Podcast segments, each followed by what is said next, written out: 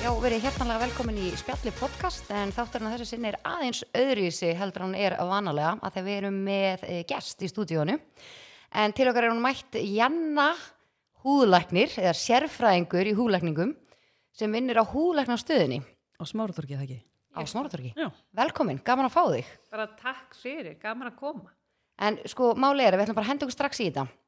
Við erum mjög forveitnar þegar kemur húð og alls konar eh, svona sem tengist húðinni og við erum með nokkra spurningar og við erum endilega að fá að spyrja út í þér. Ég er búin að vera mjög spennt að fá þig. Já, Guri er búin að vera svona ekstra peppuð við að fá þig í stólinn, sko. Þannig að, Guri, vilt þú ekki bara henda þér strax í þetta? Já, gerum það. Sko, mér langaði að spyrja þig út í áhrif sólarinnar á húðina. Já, Basically bara, já, það er náttúrulega, eh, hvað maður að segja, eh, nýjastu rannsóknir og rannsóknir svona síðustu tíu ára hafa verið að sína okkur það. Ég meina, uh, hrukkur og öldrun húðarinnar er svona 80% vegna sólarinnar. já, stelpur. Þannig að það hefur mjög mikið að segja og það sem að í rauninni að uh, rannsóknir bara sína að auðvitað er sólið mikilvæg fyrir D-vitamin framleiðstu eins og allir vita en þú þarft ekki nema svona korter til 30 mínútur á dag í sólinni til þess að fá nægilegt D-vitamin svo ertu í rauninni bara farin að taka móti skadlegum áhrifum sólarinnar sem sagt að það sé að brjóta niður kollagenið þitt, elastínið og þú veist, og ít undir myndu litaflekkja og svo framvegis. Þannig að það er orðið mjög mikið meðvitun um að nota sólavörð, bæði til að verja okkur gegn náttúrulega húðkrabbameinum og svo hrökkum. Og í heiminum í dag er D-vitaminskortur, ég ætla bara svona að spyrja ykkur að þetta er svolítið áhugavert, Mm. hvar haldið þið að þessi mesti D-vitaminskortur í heiminum í dag? Ísland, Nei, Afrika. ekki þar. Er það í Asju? Það er í LA. Hæ? En það er sól þar?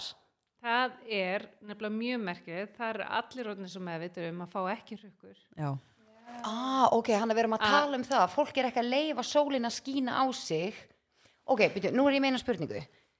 Ok, á ég að leifa þá sólin að skína á mig í cirka korter Já, og síðan bera mig sólvörn til, þess að ég fái D-vitaminið blokkirar, blokkirar sólavörnin D-vitaminið já, það er sjálfsög minkar D-vitamin framlýstan en eins og við vitum allar líklegast verið í útlöndum og kannski við sundlegina með krakkan og allt þetta að auðvitað við alltaf smá lit í gegnum sóluvörnina ef við erum lengi og að sjálfsög fáum við þá smá D-vitamin framlýslu.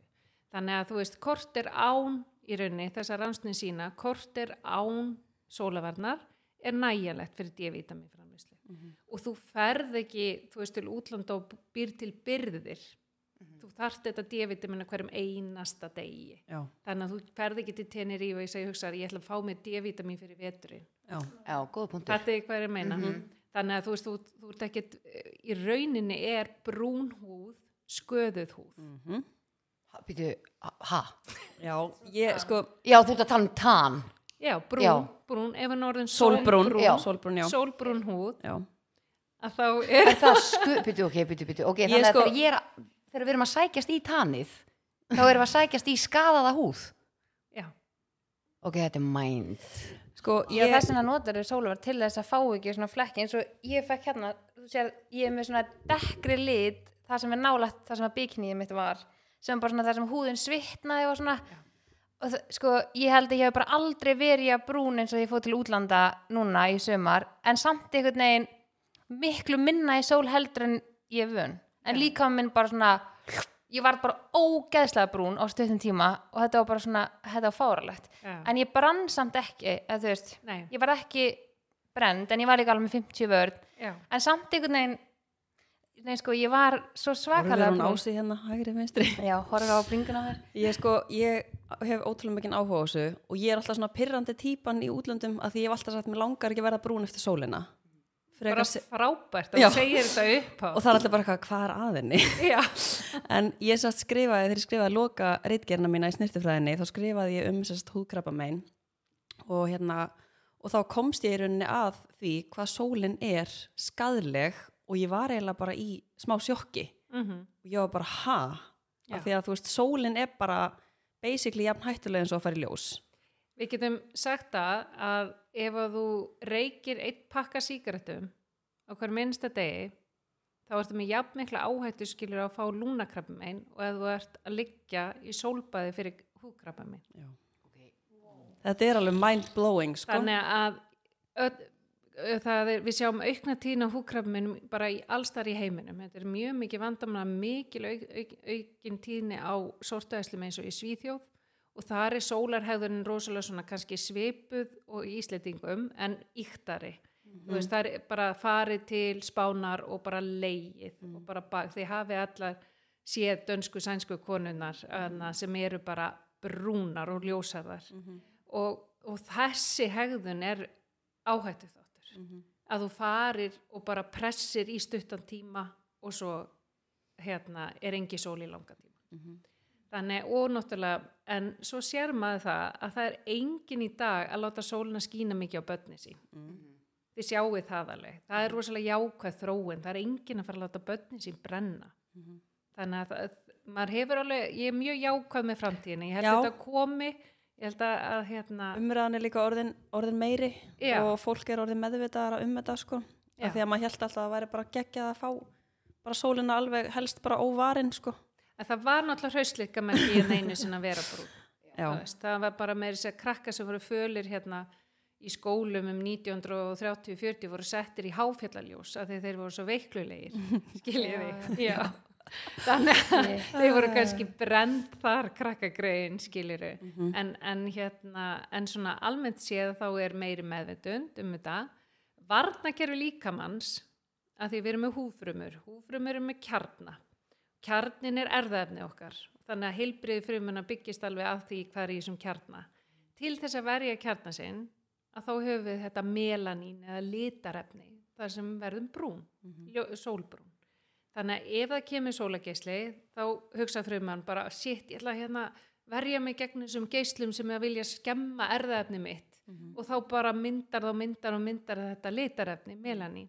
Þannig að eftir sem við erum brútni því meira líka með búin að vera hérna bara, bara passi ykkur. Þannig að þess vegna segi ég að sólbrún húð sé svolítið sköðu húð. Já. En hvernig er það eins og með þegar fólk er með exem með eitthvað svona bletti og eitthvað þegar er það að mýta að það fari í sól? Nei, nei, en af hverju gerist það að það mingi í sólinni? Já, þetta er bara mjög góð spurning hjá þér og þetta er einmitt, við náttúrulega húðlækna notum UVF B-gisla, sérst B-gislana ekki A sem er í ljósabekkjum og svona, eh, til þess að meðhandla XM og psoriasis og bólgusjútum í húð, að því að geisl, þessi geislar eru bólgu eyðandi. Þess vegna eru margir sem að eru með bólur til dæmis, þú veist, akni, verða betri sól og, hérna, og það er út af þessu. En, en eins og ef þú ert með svona hérna, bólótta húðu sem sé í andlitinu og, svona, og ferð í sól eða til útlanda þá ekki í þessa meðferð eins og hjá ykkur er það ekki meira hægt að koma ör? Og komið litabreitingar. Já, litabreitingar Já. í það Já. því að ég til dæmis ef ég fæ ör, ég er alveg frekar svona ef ég verð brún þá verð ég alveg frekar með svona dökka húð Já. og ef ég fæ ör þá fæ ég svo rosalega dökk ör og ég er alveg stundum svona ef ég fæ ör á þannig staði eins og ég datt einu svona illa inn á öklanum og þetta er svona staði sem maður skín mikið á ég var sko með svona plástur yfir bara ég veit ekki hvað lengi því ég vildi ekki fá svona Já. svart ör skilur mig Já. þannig að er ekki hægt á því að þú ert, að þú ert með eitthvað svona exem eða bletti eða eitthvað að þú verðir þá með svona litabreitingar í kring og þá er rauninni stærri ör.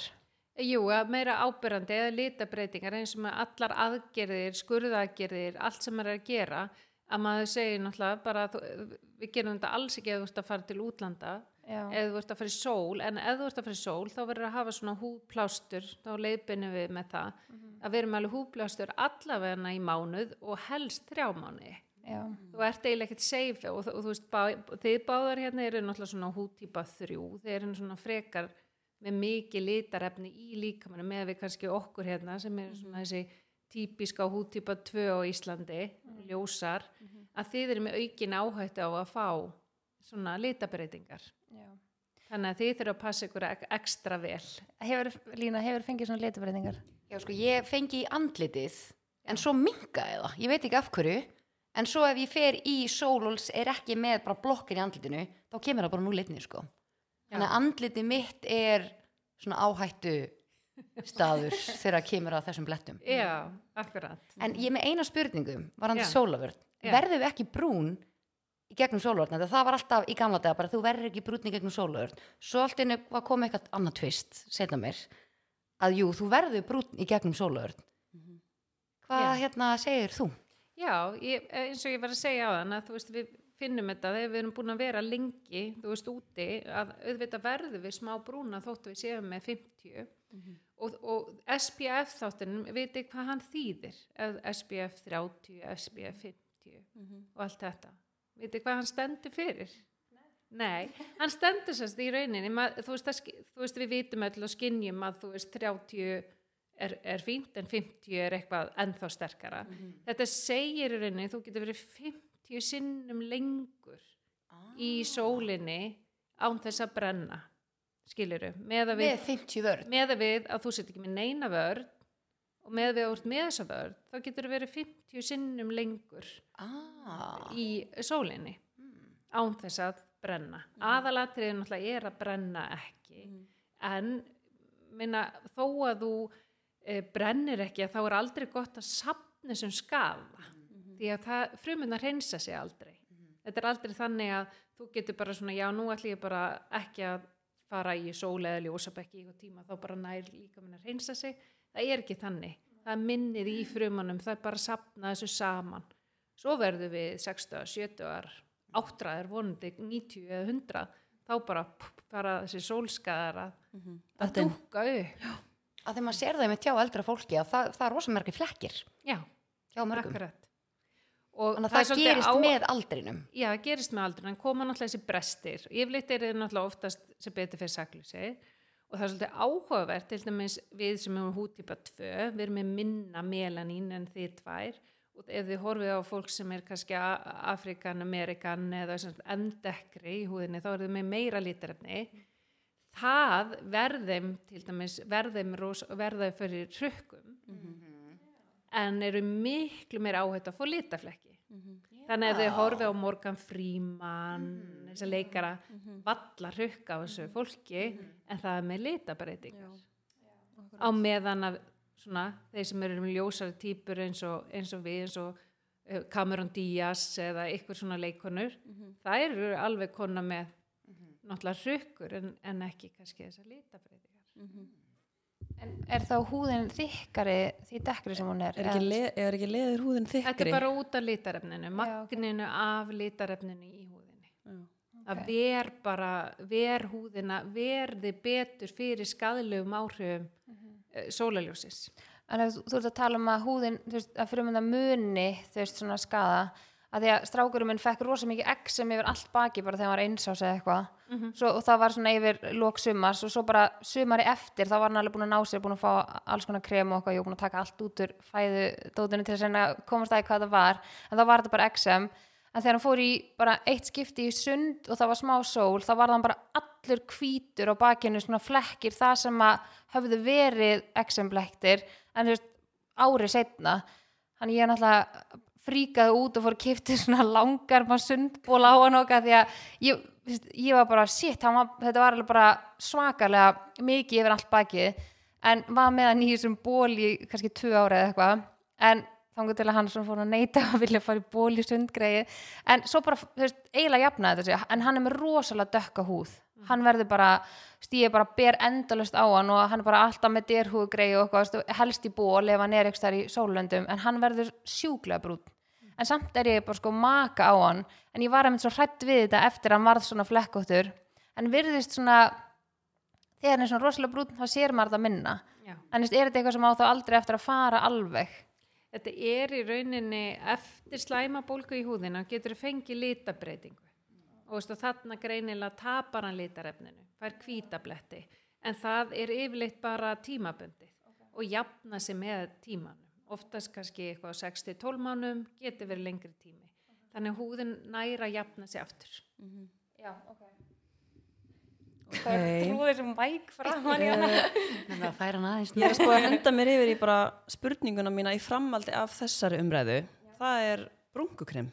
Já, sem ég Brún- elska persónulega. Já, brúnkukrem er í rauninni bara algjörsnild Já, og bara við auðvitað mælum með að nota það. Það er ekki skadalegt. Það er ekki skadilegt. Þetta er náttúrulega, e, meina, fer mjög grunn. Þetta fer ekkert langt orn í hú- húðina eins og þið finni, menn þetta endist í hvað þrjá daga eða eitthvað svo leis.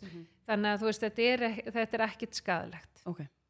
En, en til lengri tíma er ekkert sem er skadalegt við brunkukrem. Ek, nei, þú veist, það er í rauninni, þetta fer ekkert í blóðrásina, eða veist, þetta er svo utalega, þetta er bara á í rauninni dauðum húðfrömmur ist í húðinni. Ok. Þannig að þetta fer ekkert í, í svona, þú veist, kerfið okkar.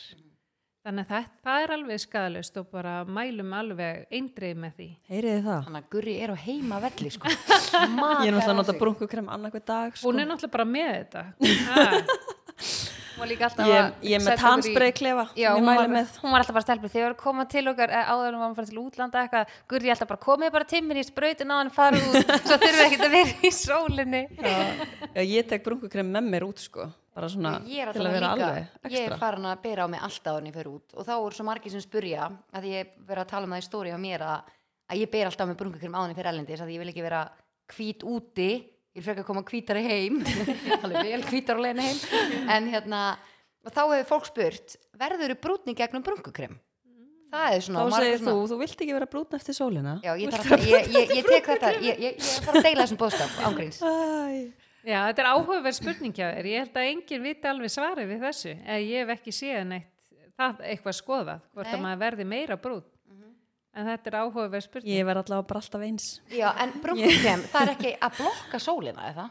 Sko, það það gæti alveg verið að litar efni það er sem sagt eins og bara ef við tökum sólavarnir Mhm. ef það eru tintet það sem er kallað, þú veist, litið sólavarni eða þannig, það er játnoxíð í þeim og það ver okkur ekstra mikið við sólinni, þannig að í rauninni sólavörn með lit ver betur heldur en sólavörn án Þannig að hún sem í blokkar meira. hún blokkar meira Ok. Þannig að spurning hvort það sé náttúrulega, ég, nú bara verð ég að, að segja, ég hef ekki kynnt mér það, þetta er bara mjög áhugaverið punktur hjá þér, að hvort það er þá eitthvað játnoxíð í, skiliru, gerfi brungunni, Já. sem að þá myndi aðeins blokka.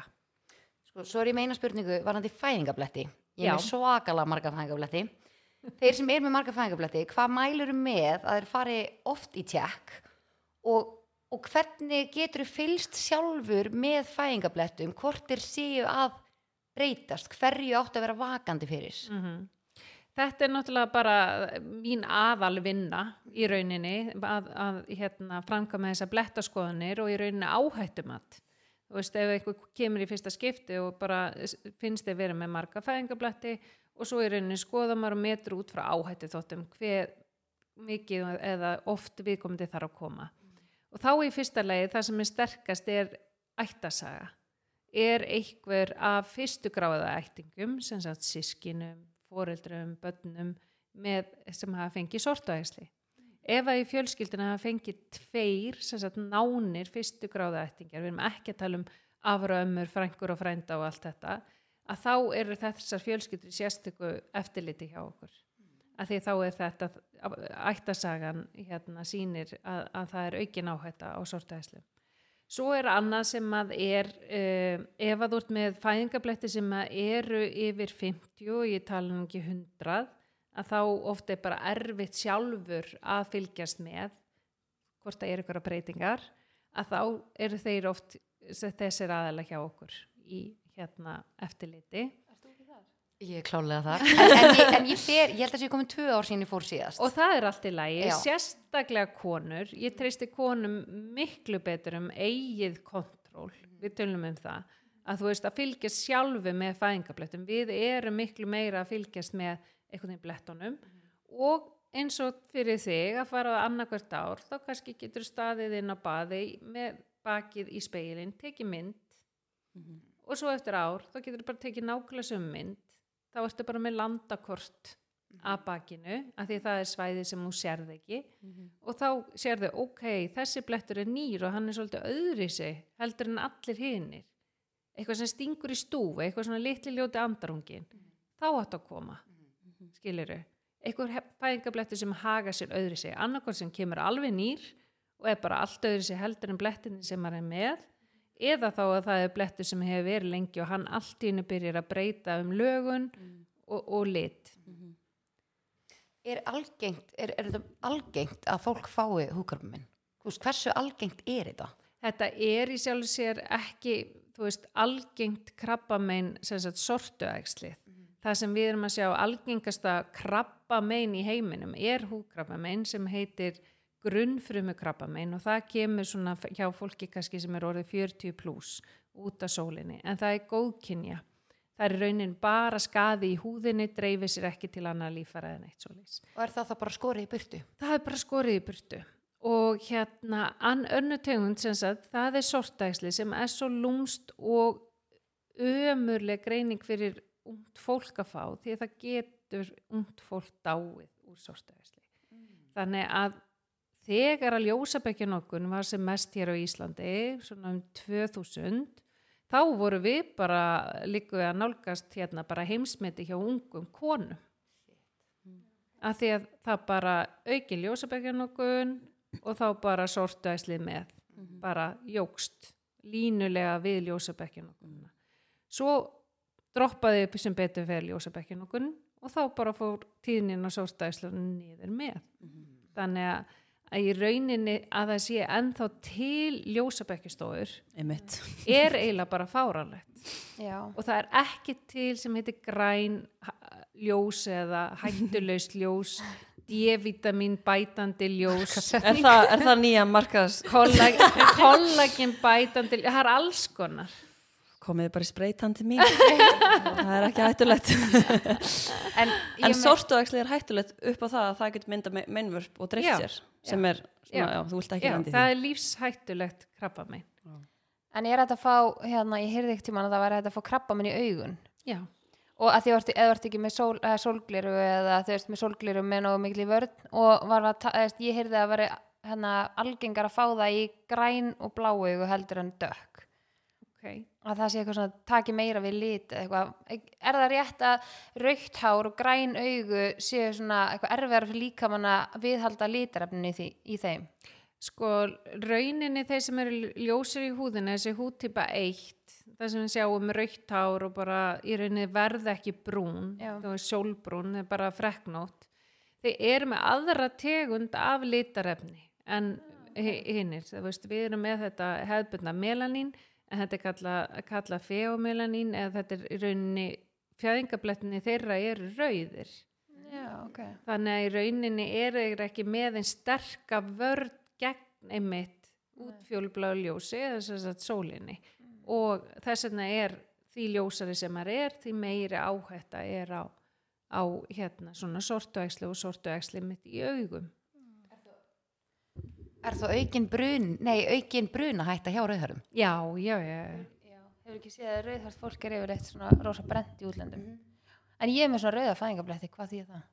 Rauða fæðingabletti. Já, ég fæ alltaf fleiri og fleiri Já. á svona skrýtna staði, svona í hárið og á bringuna en og getur það ekki líka verið bara einhver típa af vörtu eða Nei, Nei? En það er í rauninni sko ekkit að því að fá nýja fæðingabletti svona alveg upp undir 30-40. Þá fer maður í rauninni að, sagt, þá fer að fækka fæðingablettunum. Ok. Og hjá sumum fer það að fara að bara hverfa sko, með aldri. Þannig að þú veist, það er alveg eðlilegt svo sem að fá nýja fæðingabletti. líka svona rauða Herru, ég með bláa, hvað þýðir það? Þegar að mér brá alveg svona því ég fór að taka eftir þessu fyrst sko en ég man sko að afi minn var svona hann var alltaf með svona rökk, nokkra svona hann var svona með húð eins og lína svolítið mikið að fængablettum og alveg svona nokkra rauða með og ég var alltaf eitthvað svona fannst þetta alltaf skrítið. En svo þegar ég byrjaði að fá þetta þau er bara oh my god hvað af hverju fær ég rauða er svona Svo eru rauði blettir, litlir svona eldrauði blettir, getur verið mismunandi stóri sem við fáum með aldri og það er bara líka um þrítug sem að byrja að fá þá, oft hérna á magan og svona hérna einstaka hér sem við kalla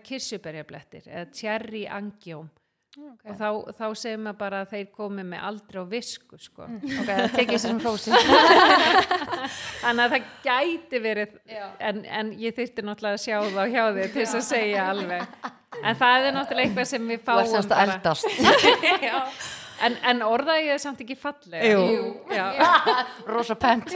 Hún er tókur sem rósi Æ, Ég ætlaði með að tala eins um hérna uh, að eldast af því að það talaði um svona eftir svona 25 að þá fyrir þetta bara allt í miður að fara niður á við í Já. húðinni Já, með kollageni Já, eða svona Já. í kringum, kringum þann aldur þá einhvern veginn byrjar bara einhvern veginn alltaf hvað hva er það sem að gerist? Er það bara að við missum aðeins teganleikan og það sem gerist við 25 ára aldurinn og það er ótrúlega ungt sem Já. að byrjar að þá förum við að fara í mínus í kollagen framleiðslunni. já, Kollageni fyrir að brotna hraðar en við erum að mynda. Þannig að það er, það er alveg strax um 25 ára sem það byrjar að gerast. Já. En að sjálfsög það er að byrja að gerast en það er náttúrulega kannski ekki fyrir um þú veist 35 pertu sem við kannski fyrir að taka mikið eftir því. já, Sumum konum eða flestum konum þykir að líta best út um 35 ára. Þannig að við erum bara in our prime. Þið eigið alveg sko, gott inni sko. En er það ekki líka bara svona partur að því að svona þroskast að vera bara svona ánaður með sig, eða skilur, mér finnst einhvern veginn svona á þessum árum núna og líka þegar maður er búin að eiga börn og eitthvað svona, maður er bara svona einhvern veginn miklu bara svona ánaður með sig. Ég held að það sé líka svona þroskamerki. Þroskamerki, já, þú veist, maður er einhvern veginn svona alveg maður pæli kannski minna í þessum hlutum eins og ma- að maður var pínu hrættur við að eldast en núna er maður bara svona, ég veit ekki, mér finnst það alveg spennandi að eldast af því að einhvern veginn svona svo núna vinkonum mína sem eru eldri er bara að býta hann alveg færti, hann miklu betur færti, ég er já ok alveg, já. næstu tíu árin þannig að já, Já, það var geggjað að vera færtur. Það var alveg. Um, herðu, svo er það ef að henda okkur aðeins í háreðinguna þú ert að gera hérna háreðingu mikið Já, hárengin er alltaf vinsilaust. er það ekki? Jú, að lang vinsælasta leysi meðferðin og það er ekkert skrítið. Nei, Þú veist að losna við hár undir hólhundum, nárum og á fótleggjum, þú veist, það, það er náttúrulega þetta bara frábær meðferð. já, og hendar það öllum Það hendar í rauninum öllum hártýpum nema það, það verður náttúrulega að vera litarefni í hárinu. já, þannig að, að sem hárið sé dögt Já, að að það sé allavega einhver litur í því. Okay. Þannig að ef að við erum með hár eins og veist sem er þá í rauninni bara algjörlega litalös, sem sagt hvít hár, þá náum við þeim ekki með leysir. okay. Og það er bara ástæðan fyrir því er að, að hérna, leysirinn verður að hafa eitthvað target í húðinni til þess að taka upp. Veist, það verður eitthvað í húðinni að taka upp leysigeislan. Mm er bara orka og við hárengaleysnir eru þannig að þeir eru stilti, bylgilingdin á hárengaleysnum er stilt þannig að orkan er tekin upp í hárseknum. Við viljum eiðilegja hársekkin. Og hérna ef að í rauninni húðin er dekkri en hárið Hárið, sem er þá ljóst þá náttúrulega bara fer, fer geislin í húðina ekki í hárið. En, Þetta er ég meina? Já, ég skil þú meinar. En hérna, uh, já, þú ert að taka hársekkin Já, uh, er ekki bara, þú veist, ef að myndast nýr er það ekki sens það myndast ekki nýr en það sem að gerist er að í rauninni alltaf þegar við erum að, að meðhendla þess að þarf alltaf nokkuð skipti. Já, að því að í hverju sinni þá erum við með hár í vakstafasa og kvíldarfasa já, þannig að þegar þú kemur í meðhendlun og við meðhendlum og þá náum við öllum þeim sem eru í vakstafasa já, og þú ert alveg bara geggjað eftir tvær vikur, bara engin hár frábært, já, svo eftir þrjá fjóra þá fara hárin sem er í kvíldafasanum að koma já, fram, þau eru ekki nýja en þau voru bara undir og þá náu við þeim ekki. Þannig að þessna þarf að koma nokkur sinnum að því við þurfum að ná öllum þessum Já. sem eru í kvíldafasa og ef að konur eru með undirliggjandi hormonasjúkdóma eins og PCO eða fjölblöru eggjastökka heilkinu og svona þá verður svolítið þessi hárvöxtur viðvarandi. Þannig að það er aldrei hægt að segja varanleg háreiðing. Því að það getur verið hormónin sem ít undir alltaf svolítið hárvöxt þannig að það er að koma kannski einu sinni tvisur ári. En hvernig er það? Ég fer í, segjum bara að tala um að ég þurfa að fara í tíu skipti, ég fer í þessi tíu skipti, þarfti samt ekki alltaf að fara aftur einhver tíman í háreiðingaleysir. Það, eins og ég segi, það, það er bara rosa góðu punktur, það er rosa erfitt að vera að segja og ég sé sem að vera að auglýsa varanleg Já. einmitt, það er í raunin ekki til nei. þú veist. Þannig að þetta er mjög góðu punktur. Við erum búin að ræða þetta mikið sko. Já, og ég er samt að fara að henda mér í þetta sko. Já en þú veist þetta minkar náttúrulega Mhm, alltaf hárvöxtin og svo kannski eins og ég segi þarf maður kannski að koma í eina meðferð á ári eða eina Mhm, Svona meðferð viðhalda já, í- annarkvert á til þess að viðhalda til þess að ná þessu svona kannski ef að alveg niður sko. tekur þú veist bara öll svæðin á líkamannum það eru margir sem eru bara að taka öll svæða líkamannum það er náttúrulega allt til í þessu. Já þú veist þannig að það er hægt að koma bara í bara brasilíst og bara allt í burtu. Já, já, það er náttúrulega bara mjög algjör að henda mér í það sko Það er ég þarf að taka lærin sko rosa lúðin aftan á lærunum. Já ég til að taka bara undir hendur og allt bara. Það er ekki dóalgengt að vera með hárvöxt einmitt á, á læran já, ég er alveg með svört hár sko. Já. að það er nei. Nei eru Þannig að leysirinn er ekki að fara að virka á það sko, en hann er að fara að virka á mig. En sko máli, ég er búin að fara í á löppunum fyrir nokkrum árum. Þá fór ég í hvað, sex eða sjö skipti. Og það fór ógeðsla illa í mig. já, Og ég var bara orðin það slæmið, þurfti að setja alveg svona sárabindi yfir fæturnar sko, það var ekki, það var bara sko líðanin í fætunum. Þetta var eins og var ekki að gera innan frá. já En ég náttúrulega er á hérna lífteknilifjum, þannig að það er kannski ekki besta leiðin að fara í einhvern leysir, ég veit ekki hvort það haldist í hendur sko. að ætti nú svo sem ekki að hafa þannig áhrif sko, en auðvitað ertu náttúrulega ónami spældari og kannski aðeins viðkvæmari Já. En þú veist komu sár eða Nei, varst- ég nefnilega, ég, ég, var, ég þetta fekk var bara það svona ekki. pyrringur í húðinni Já, þetta var alveg vond. Ég þurfti Já. að taka bara, ég, mér langaði að saga með fótinn, sko. Þetta var bara ógeðslega vond og þetta gerðist eftir síðustu tvö skiptin, þannig að ég hætti. já, ég skil Þannig að- það Já, og svo hefur ég veltað mig líka fyrir, að þess, að það sem ég velt fyrir mér er að getur þetta drepið lita fyrir minnar, að þegar ég er í sól, þá er ég meira hvít hérna fyrir neðan en verið brúnni hérna, já. fyrir ofan. Það getur náttúrulega gerst ef að, ef, ef að náð ef að hérna, ma maður er óvart brent þig sko. Já, Já. ok, þannig að ef, ef þú verður fyrir bruna, að þá Já. getur það skada lita fyrir þá minnar. getur það, oftast er það þá tímabundið Já. en þú veist, ég meina það er allt til í þessu, sko, Mhm, það er náttúrulega áhættu svo sem að það er alveg gott að tala um það Mhm. að það er náttúrulega áhættu í þessu líka þótt þetta sé mjög rútineruð og svona almennt örugmeðferð að þá bara alltaf við allt sem að maður er að gera. Getur verið einhver, einhver áhætta. Og til dæmis að, að hérna uh, ef að, að viðkomandi kemur of tanaður eða með einmitt hérna gerfibrungu þá náttúrulega getum við ekki meðhandla því að þá í rauninni fer orkan úr leysirnum ekki í hársekkin heldur í litarefnið í húðinni þannig að þannig getur maður hérna brent viðkomandi. En þetta er náttúrulega yfirleitt eh, hvað maður að segja, það fyrsta sem allir læra sem að fara að vinna með háreðingaleysir þannig að þetta á ekki að koma fyrir en þetta getur alltaf komið fyrir. Er þetta vond vond að þegar leysirinn er að, að hérna? Sko, er núna, veist, við erum náttúrulega tækninni, þess, tækninni í leysirum og bara almennt eh, þessum heimi eins og þegar við vorum kannski aðeins að ræða hérna áður en við byrjuðum er gigantískur, skiljuru, það er bara leysirar, krem, meðferði, þetta er bara á fljúandi farti, það er rosalega mikill áhugi, það er virðist fólk hefur, hefur almennt svona meira efn á þessum meðferðum. Þannig að nýjustu leysarnir sem erum með þeir eru náttúrulega bara það er ekki hægt að líka saman við leysarna skiljur fyrir tíu ár. Þeir eru miklu miklu betri að öllu leiti, bæði með sársöka árangur og svo framvegis. Sko þegar ég fór í þetta, mér fannst það alls ekki vond en það kom bara svona á hiti, en það var ekki vond já, ég er að fara að henda mig þetta, í þetta þetta, sko. þetta, er, þetta, er, þetta er á ekki morgun, vond sko. Já, ég skal taka ykkur með. ég, ég, ég kem með þér á lærin sko. en þú ert, ör, þú ert örglega hérna, hörðaði sem finnst þetta vond sko. ég er náttúrulega að vaksa mig alltaf og það er ekki þægilegt að vaksa sig. Nei, þetta er nú ekki það vond Það finnst fólk þetta vond, er það þá ekki bara hitin sem það er óþægilegur? það er bara svo sásökaskinn hjá fólki er svo ótrúlega mismunandi Mhm. sko. Ok, ok.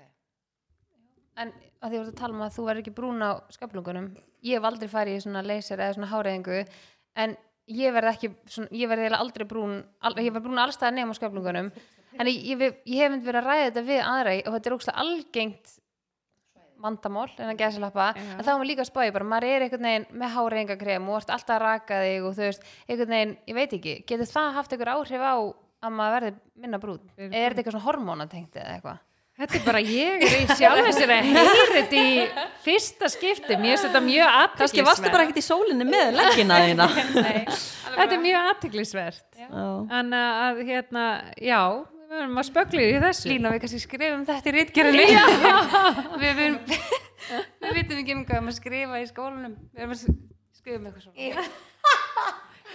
Fyrir rannsókn. Þetta er Herðu, ég er líka með eitt. Já. Fytu fristing, Já. það kom eitthvað æði Ú, Já, og þú að gera svoleiðis eða?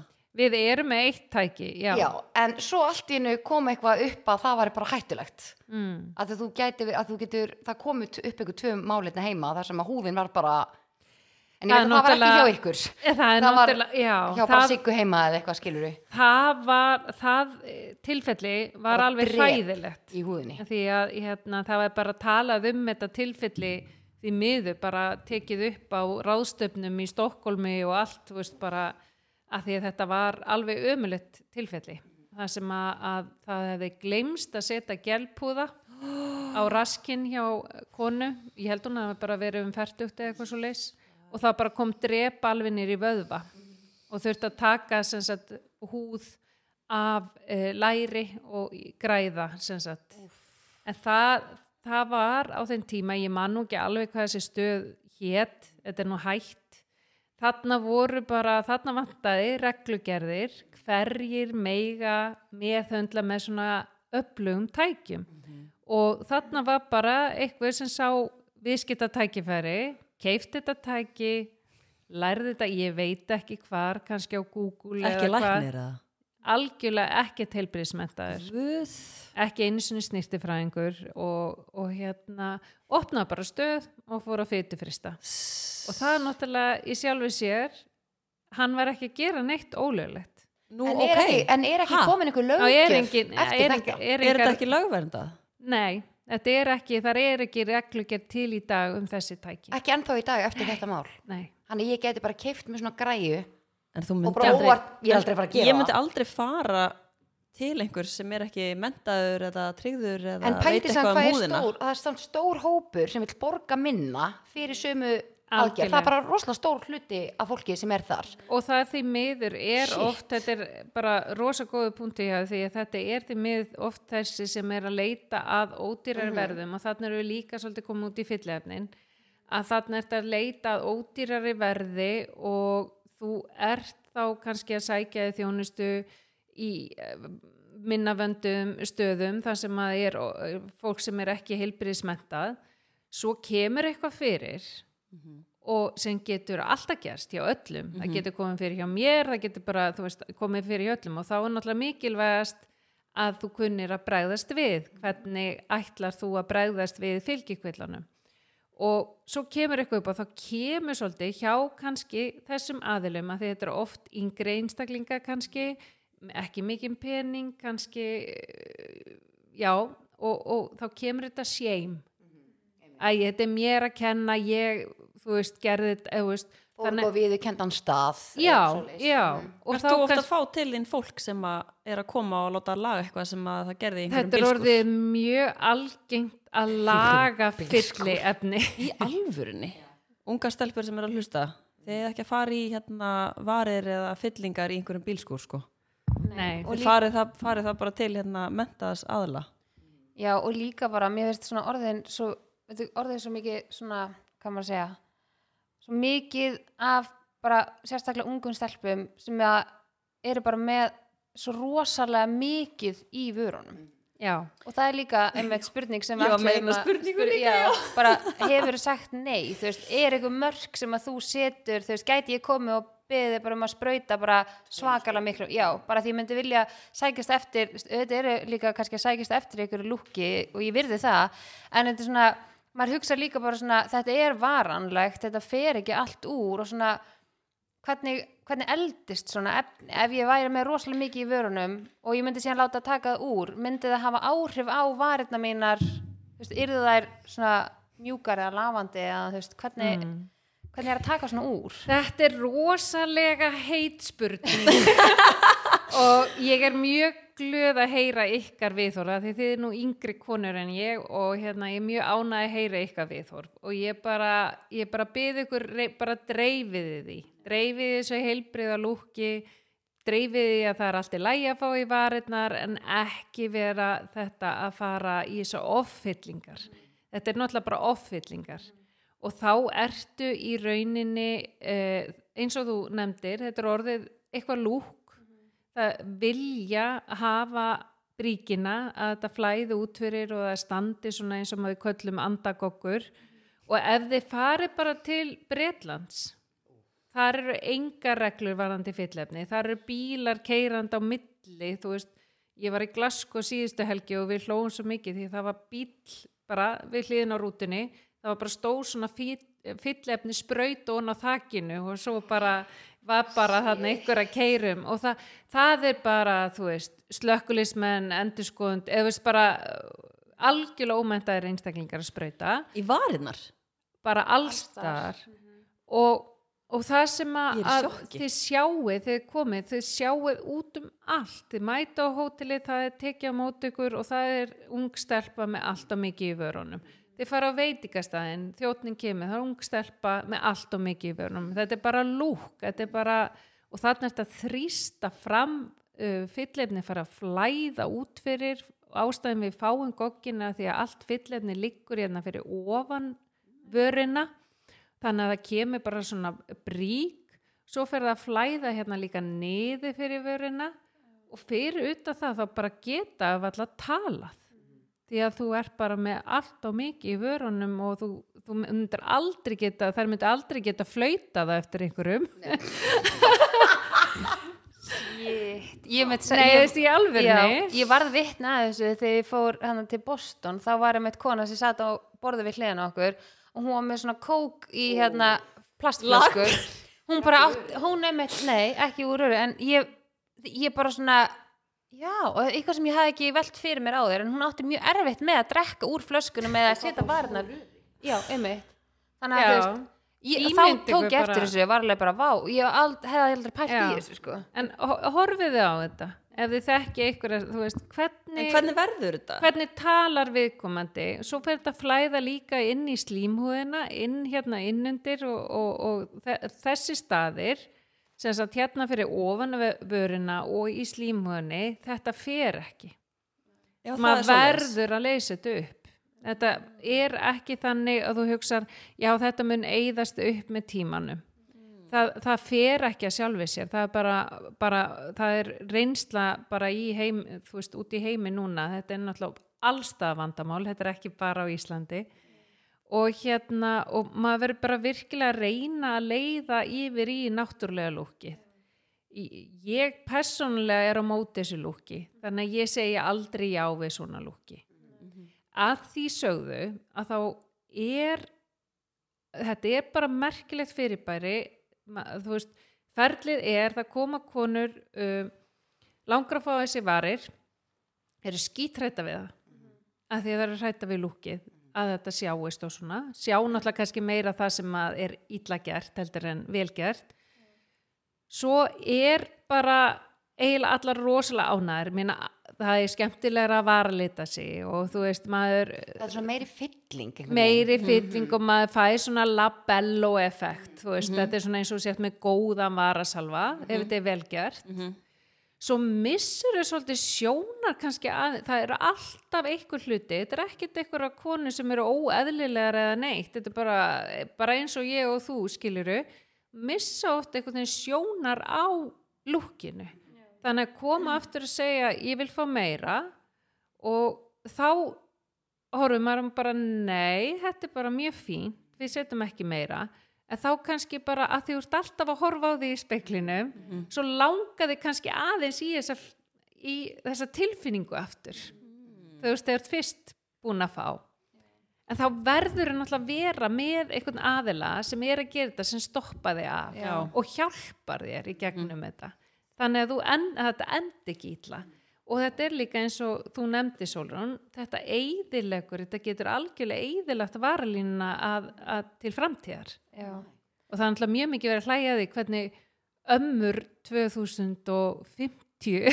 já, maður pælir þú veist, ég mynd hugsa þú veist, þegar að allir með tattoo líka. Já, Já, maður, alla með það en, en maður hugsa þetta þú veist, þessi, ef maður tekur tilfellin fyrir sem eru með svona rosalega mikið í vörunum og það sést bara langar leiðir þú veist, hvenar vil, þú veist, einmitt, hvernig eldist þetta og hvernig verður þetta, þú veist er þetta bara svona tískuslis núna eins og þegar allir voru með svona stuttan topp og, og styttuna bara upp fyrir eyru og var bara eins og var sveppur skilur og maður gæti hleyja því en þú veist, hári vex aftur en þú veist, þetta er eitthvað sem maður getur skadað Já, verður ekki húðin af því að þú veist, húðin náttúrulega bara, hún þrýstist svo út. Já. Verður Já. hún ekki bara svona eins og hún verður bara svona krumpuð eins og hún verður tóm. Æðislega Þetta er eins og við þegar er unnið, þegar til dæmis lítalæknar eða skurlæknar er að vinna upp uppbyggingu brjósta eftir, eftir krabbamein, að þá þennja er oft út vefin þú veist, bara með saltvaspúðum þú veist, þess að þennja ve vefin eða húðin út til þess að það sé hægt að koma inn uh, sílikonbrjóstum,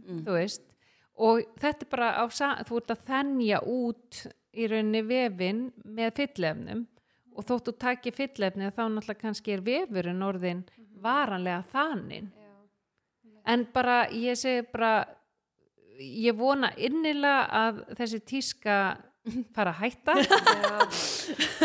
En að því sögðu að þá vil maður ekki náttúrulega vera dæma þá fyrir að, ef að þetta er eitthvað lúk sem fólk sækist eftir. En ég held bara samt að það gerir sér ekki alveg grein fyrir sko þú veist aflengunum til lengdar. Það er einmitt það sem maður hræður mann smá sérstaklega, sérstaklega ef þetta er mjög ungt fólk. Mhm. þú veist, þá hugsa maður svona vá, að því maður veit hvað maður gætt tekið rangar ákverðinu þegar maður var þú veist hérna fyrir tíu árun síðan og maður svona lærir af því og mér finnst einhvern veginn lítil fræðsla um þetta. Mér finnst meira bara svona að þetta er ókslega cool og bara þú veist mikið af þú veist, frægu fólki sem að þú veist er búin að vera að sína og tala um þetta ofinberlega en það er enginn sem talar um kannski afleðingarnar eða gerist eitthvað nema reyndir hann að Molly May sem að var í Lovaland hún er svona fræg á YouTube og Instagram og svona hún var með þú veist svona yfir tönnunum sínum þannig að það var rosalega hvítar og svona stórar og beinar svona himnur já, svona, Já. eða svona, hvað er þetta, skinnur skinnur, svona? já. já. og var með rosalega mikið í vörunum og eftir, hérna já, var með fyllefni í kinnbeinunum. Þetta er hún ekki bara tvítug eða? jú, Það hún er Jú, hún er fætt, hvað, 99 eða eitthvað. En hún, eftir hún þetta og varð svona bara ennþá stærri á samfélagsmiðlum þá svona fór hún að átta sig á því hvað þetta væri rátt, þú veist, hún var sífælt að laga sig til þess að vera ána með sig. En hún lét taka allt úr sér bara því að taka tönnunum, vörunum. Og hún varð ángríns, hún var falleg fyrir en hún var svo hundra sinnum fallegri og hún var svo miklu ánægri með sig. Og bara svona mér finnst einhvern veginn, þetta tók alltaf þessa pressu af henni sem hún sjálf var búin að setja á sig og mér fannst þetta svo jákvæð þróun og ég var bara svona, mér fannst hún áhugaverð fyrir en eftir hún gerði þetta var ég bara vá, og þetta var svo góðu bóðskapur um þetta og hún gerði alveg mikið efni um þetta að sína bara frá ferlinu og eitthvað sem að, og hún er bresk þannig að þú veist þetta kvart, ég meina hún er með eitthvað 20 miljón fylgjendur eða eitthvað Vá. þannig að þetta var alveg bara svona þetta var ógstlega góð umfjöllin hjá henni og ég vona að svona margir þú veist, taki eftir svona skilja að þarna er ung stelpa og fætt 99 og bara var ekki lengi með þetta en sá hvað þetta var að skemma fyrir sér þú veist líka bara hún talaði um að þú veist húðin var öll bara um skrítin og hún fann að finna efni undir allstaðar og því lengur sem efni var í vörunum var hún fann að finna með þetta það rann á vittlisa staðu og eitthvað svona sem að Já. hrætt hana Næ. og þetta sjáum við, þetta er mjög jákvætt að heyra svona þú veist, og þetta er náttúrulega eina leiðin kannski til þess að fræða, það er í Já. gegnum svona hérna, á, áhrifavalda eða sem sagt.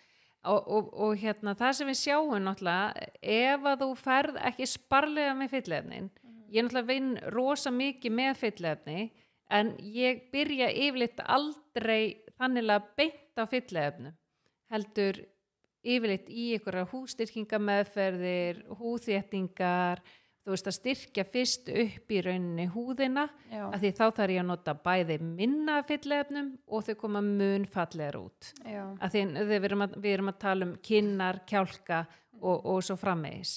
Að því að ef þú ert fann að setja of mikið þá verður þetta að í rauninni bara svona klumpi og okkar sogaða kerfi, það er semst hreinsi kerfi í húðinni, nær ekki að brjóta þetta niður eða hreinsi þetta í burtu. Þannig að þetta situr og þú getur farið að droppa og eða þú ert að hérna með þetta kjálkanum getur þetta fara að droppa hér niður Já. í kenninni, rosa flott hér svo fer þetta að síga hinga niður Úf. þannig að, að það, þetta er allt það sem fylgir þessum. Já. þannig að þú veist þetta verður að vera rétt gert til þess að þetta komi fallega út Er það sama sem að uh, þú setur í varir og þú setur í eins og kinnbein og allt Já, það? Það er bara sama. Það er náttúrulega hérna, missterk fyllefni ef þú ert að móta, ef þú ert að móta kinnbein eða móta kjálka þá notar þau svona þykkari og sterkari en náttúrulega vilt, allan ég nota bara í varið það sem er mjög mjúkt Já. þannig að þegar þú ert að brosa hlæja, tala þá á það bara Já, það flæðir það bara já, vel. þá á það ekki að sjást í vörunum Nei. En ef eitthvað fólk er að hlusta og langar að sjá svona fyrir og eftir eða ykkur hefur látið taka úr sem er orðið á mikið, þá mæl ég með að skoða á YouTube og leita eftir hann að Molly May. Og hún er með alveg nokkuð vídeo sem hún er að sína frá þessu, þetta er alveg mjög gaman að fylgjast með þessu sko. Skemmtilegt að sjá ferlið, af því að einmitt, maður sér eitthvað meira þegar fólk lætur breyta sér í sem á að vera fallegra en þannig er hún að taka úr og verður mikið fallegra. Já, og það er náttúrulega líka sko það sem að margi gerir sig ekki grein fyrir að ef þú ert með svona opbáslega þungar varir það endar á því að þú sígur. Og þetta eldir þig. Þú verður miklu öldri í andlitinu. En að öðru Botox. Já, Þú ert að vera með Botox. Já við, Elskaru Botox? ég náttúrulega má ekki segja þetta orð og það er livjastofnun eða þetta er sérlifja heiti þannig við tölum um toxín. Býtu, ok, býtu, býtu Akkur má ekki segja Botox það er ólöglegt að segja bíorðið sem Ok. sagt, að því að þá í rauninni að þetta er sérlifja heiti og maður má ekki auglýsa lif ah, þannig að ok. þess vegna tölum við um toxín Toxín. Toxín toxín Ok. og ég náttúrulega vinn með mismöndi gerðir, ég vinn bæði með sem sagt, þetta Botox sem er sérlifja heiti og Dysport og Seomin þannig að það er svona ólíkar. Kjarnin er þetta að gera það sama? Kjarn, þetta er alltaf virka á sama hátt. Ok. Slama vöðvan. slaka, Slaka vöðva. slaka vöðva og þetta er náttúrulega ég meina, þetta er alltaf langvinsalasta meðferðin veist, í svona færunulækningum Mm. algjörlega. Þetta er náttúrulega mjög áhrifurík meðferð þetta er, þú veist, það er engi batatími uh, þú veist, og hérna hættulegs meðferð þannig, þú veist, það er engar alvarlega raukaverkanir af bótóksi Já, sko, þetta finnst mér áhugavert og örgulega margir að velta þessu fyrir sér og þú segir að þetta sé svona hættu, frekar hættulaus meðferð. Getur aðeins farið yfir það? Já, í rauninni er í dag uh, sérst, toksínið er sem sagt, öll toksín eru skráð sem lif og þá er það náttúrulega einungis lækna sem mega sprautaði, mm engir aðrir og ekki bara einungis lækna því það eru bara vissir lækna sem mega það. Það mega húðlæknar, lítalæknar og bæklunulæknar og fleiri en ekki til dæmis rauninni heimilislæknar eða, eða ósýrmentaðir e, læknar. Uh, svo vorum við með annað efni sem er mun meiri áhætt á fylgikvöllum sem heit, við kvöllum hérna á fyllefni sem að eru e enga reglur. Má, Þetta er trillt þetta er trill Nei, þetta er bilun en það er að koma reglugerð frá heilbyrðisráðunitinu sem við erum búin að vera að kalla eftir þú veist, ég kom heim frá Svíþjóð fyrir sjö árum og ég er búin að vera á bara e-mailnum á heilbyrðisráðunitinu örgulega síðan að ég kom Sjö til hans ár? já, það er loksis eitthvað að fara að gerast núna Vá. Þannig að það sem að, að fylli efnið er rauninni aðskotar hlutur það er gel sem að sprautar inn í húðina. Getur stíplað æð getur í þá ef að manna er ekki að leysa það upp nógu fljótt þá getur það komið drep í það svæði sem að æði nærir. Til dæmis ef að það er við að gera hér og þá kannski er það æð hérna upp í nefi og þá getur komið drep hérna ef við, ef við vöndum okkur ekki svo í rauninni toksín það er ekki aðskotarlutur það er lif sem bara bindist, bindst við hérna taugamót og e, búin að vera að nota í við 30 ár og enga svona náttúrulega aukaverkunum líst. Eiginlega það versta sem er þú veist þannig geti gæst er að- að maður hérna fílar þetta ekki.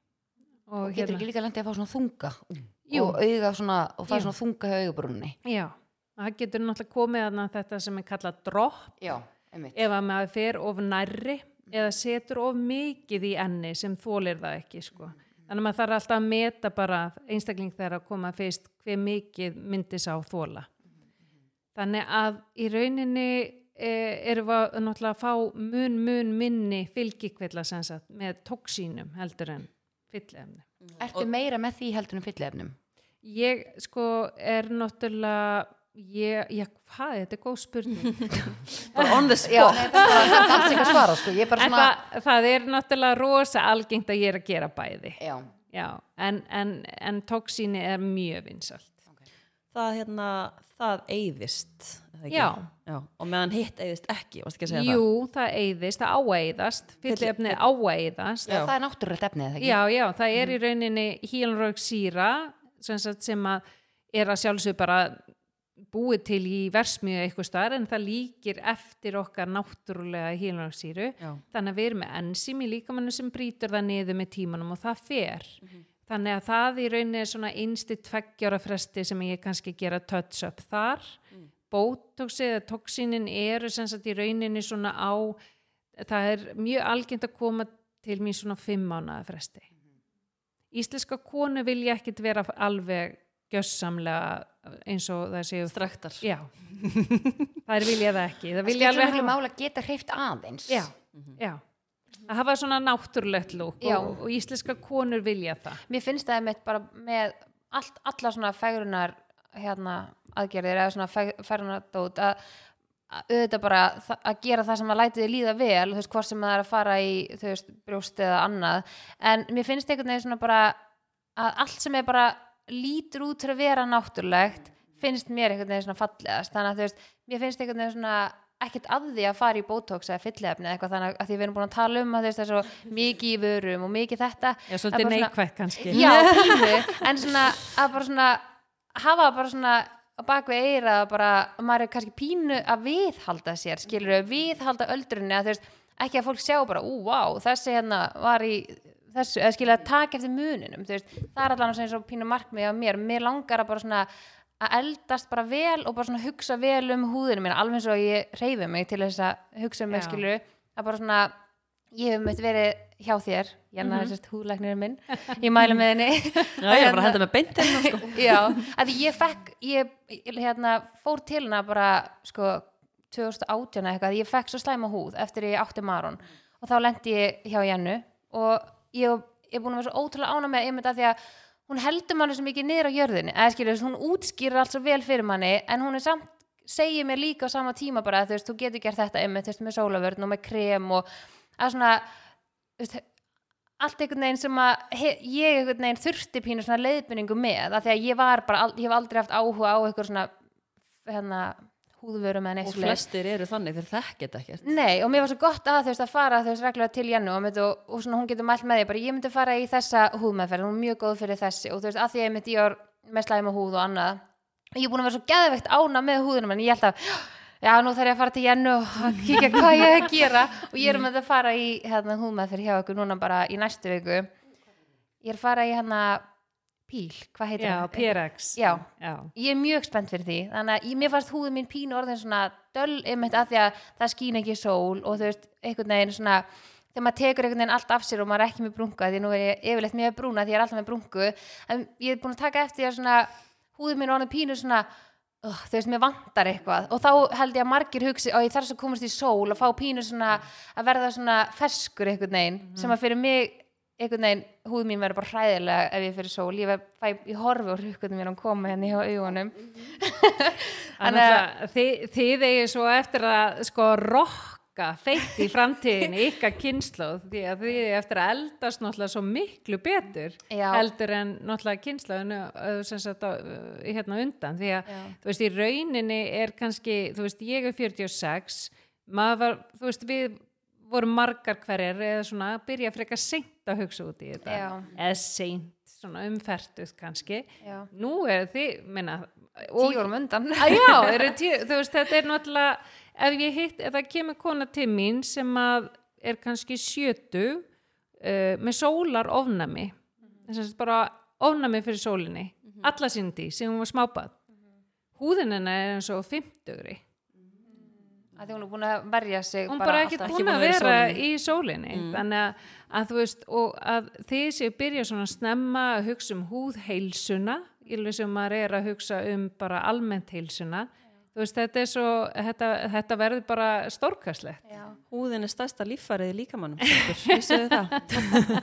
en það var alveg svona lán í ólána að ég lendi hjá Jennu eða fór til Jennu að því að ég brann svo svakalega í sól. Og það var svona fyrsta sem ég fóð til húðlegnis bara af hverju er ég að brenna svona svakalega það var þarna eftir að ég átti maron. Og þá vantaði mig eitthvað hormón í húðina en eftir að ég brann svona svakalega þá hef ég bara ekki látið skína framan í mig. Og ég var, það var bara, þú veist, ég fekk bara það mikið bruna, ég fekk bara frunsur og bara þetta var hræðilegt tímambila því að ég bara, þú veist, gæti alltaf að labba út í bíl og keirt í sólina á þess að fá frunsur og bara verða svakaleg. En það er hægt núna ég, en að gaman að spyrja- heyra að, að maður hjálpi allan að ykkurju já, ég er já, já, það gerir eitthvað gott.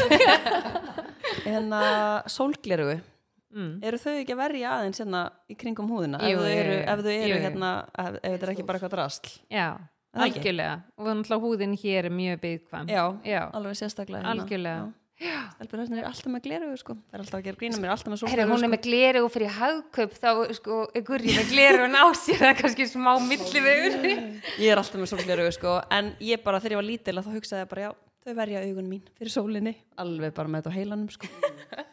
Já, gurri fættist bara er svona já sóla ég, bara, sérfræðingur ég held að fara að vera með sólglerugu bara. Já Góð, Já. eru með eitthvað fleiri spurningar fyrir hann stelpur eða? Sko, ég gæti spurt hana svona hundra spurningum en held ég sé Við erum alltaf búin að fara yfir ótrúlega margt. Já. Mjög áhugavert. Þetta er bara búin að vera mjög skemmtilegt Ég að og að þú veist, ég heyr alveg að framtíðin er mjög björt.